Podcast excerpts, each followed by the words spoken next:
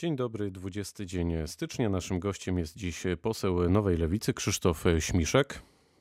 Dzień dobry panie redaktorze i dzień dobry państwu. Pozdrawiam z zasypanego śniegiem Sejmu. A we Wrocławiu już ten śnieg praktycznie i na Dolnym Śląsku coraz bardziej znika i to jest w sumie trochę smutne dla jednych, smutne dla innych, wesołe. Dla mnie trochę smutne, bo było tak pięknie biało, cicho. No tak, jak za dawnych czasów. No właśnie, się rozmarzyłem o poranku, a tutaj twarda polityka, panie pośle, także nie zmiękczy mnie pan. Mm, Zaczynamy, zaczynamy z tak zwanej grubej rury, mówiąc kolokwialnie. Czy pana zdaniem Donald Tusk powinien wrócić do krajowej polityki? Obserwuję taką dyskusję od kilku dni. W zasadzie nie wiem, z czego się to wzięło, bo sam Donald Tusk jakoś tak jednoznacznie nadal się nie określił, tak trochę puszcza oczko, troch, trochę nie. Co pan na to? No, no cóż, yy, trzeba powiedzieć jedno. Pan yy, Donald Tusk jest politykiem dużego kalibru. Był premierem przez wiele lat i przewodził swojej e, dużej partii, e, która e, rządziła przez, przez dobrych parę lat w Polsce. Więc na pewno takie dyskusje będą powracały, ponieważ są środowiska, które, czy część wyborców, która gdzieś tam z sentymentem spogląda w przeszłość, że być może dla niektórych te czasy za, w czasie, kiedy Donald Tusk był premierem, czy był obecny w polskiej polityce, były sensowne, były dobre, były. A z pana perspektywy powinien wrócić, znaczy, czy nie? Panie redaktorze, ja jestem z lewicy i czy Donald Tusk będzie chciał być w polityce polskiej na, na, na, znów, czy, czy, nie, jest mi to w pewnym sensie obojętne, ponieważ y, dla mnie, dla mnie powrót Donalda Tuska będzie kojarzył się z rzeczami, które były dobre, ale były też złe.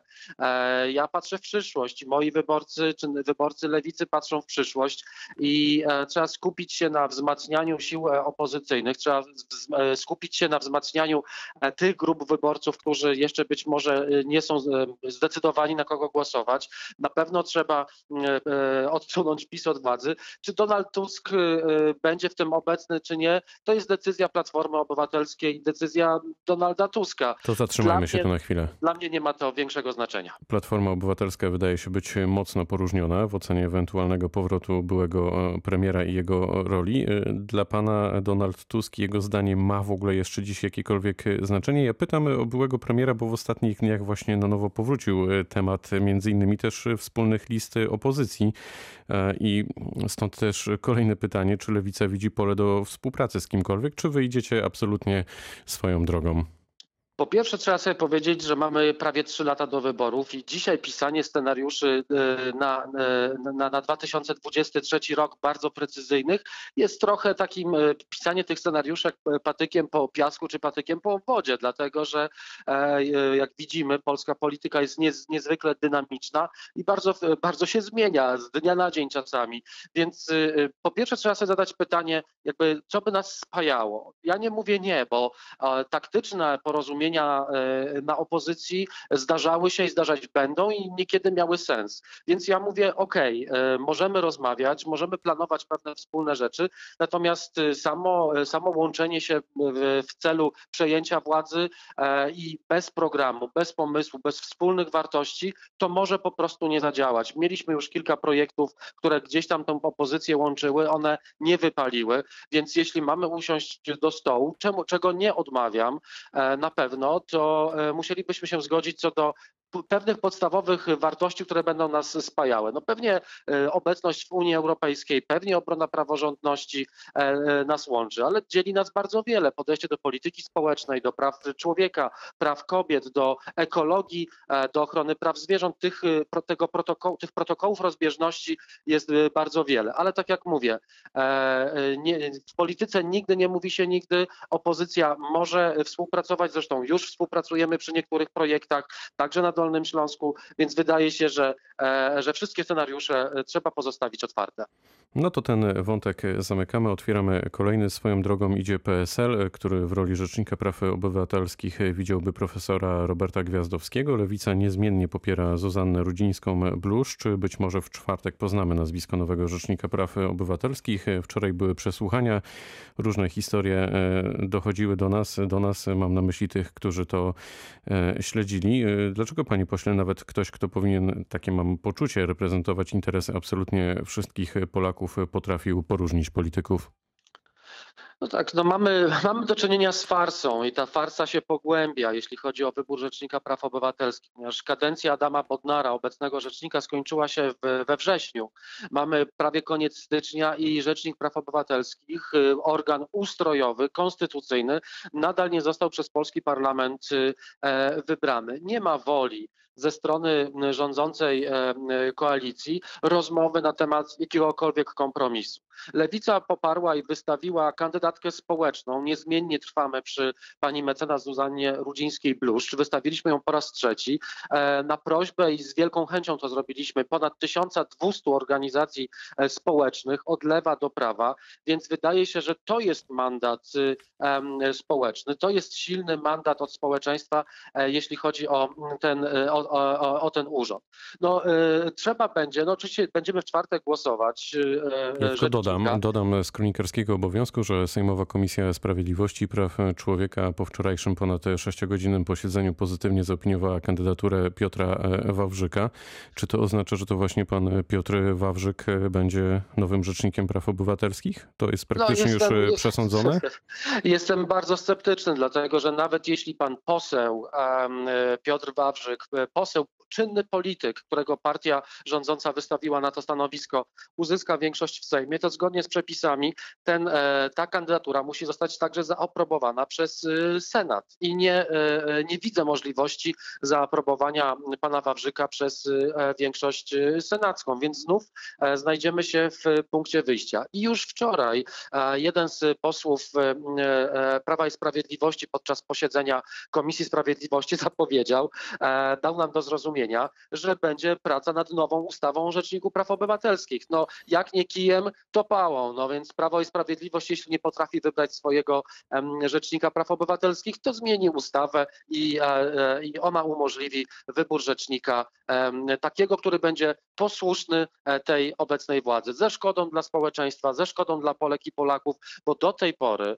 mieliśmy doskonałych rzeczników, którzy byli apolityczni, którzy nie realizowali interesów żadnej partii. A mam wrażenie, że wystawienie czynnego polityka, wiceministra i posła Prawa i Sprawiedliwości to jest taki policzek wymierzony społeczeństwu i odebranie polskiemu społeczeństwu takiej jednej, jednej z ostatnich desk ratunku, jeśli chodzi o obronę praw i wolności e, obywatelskich.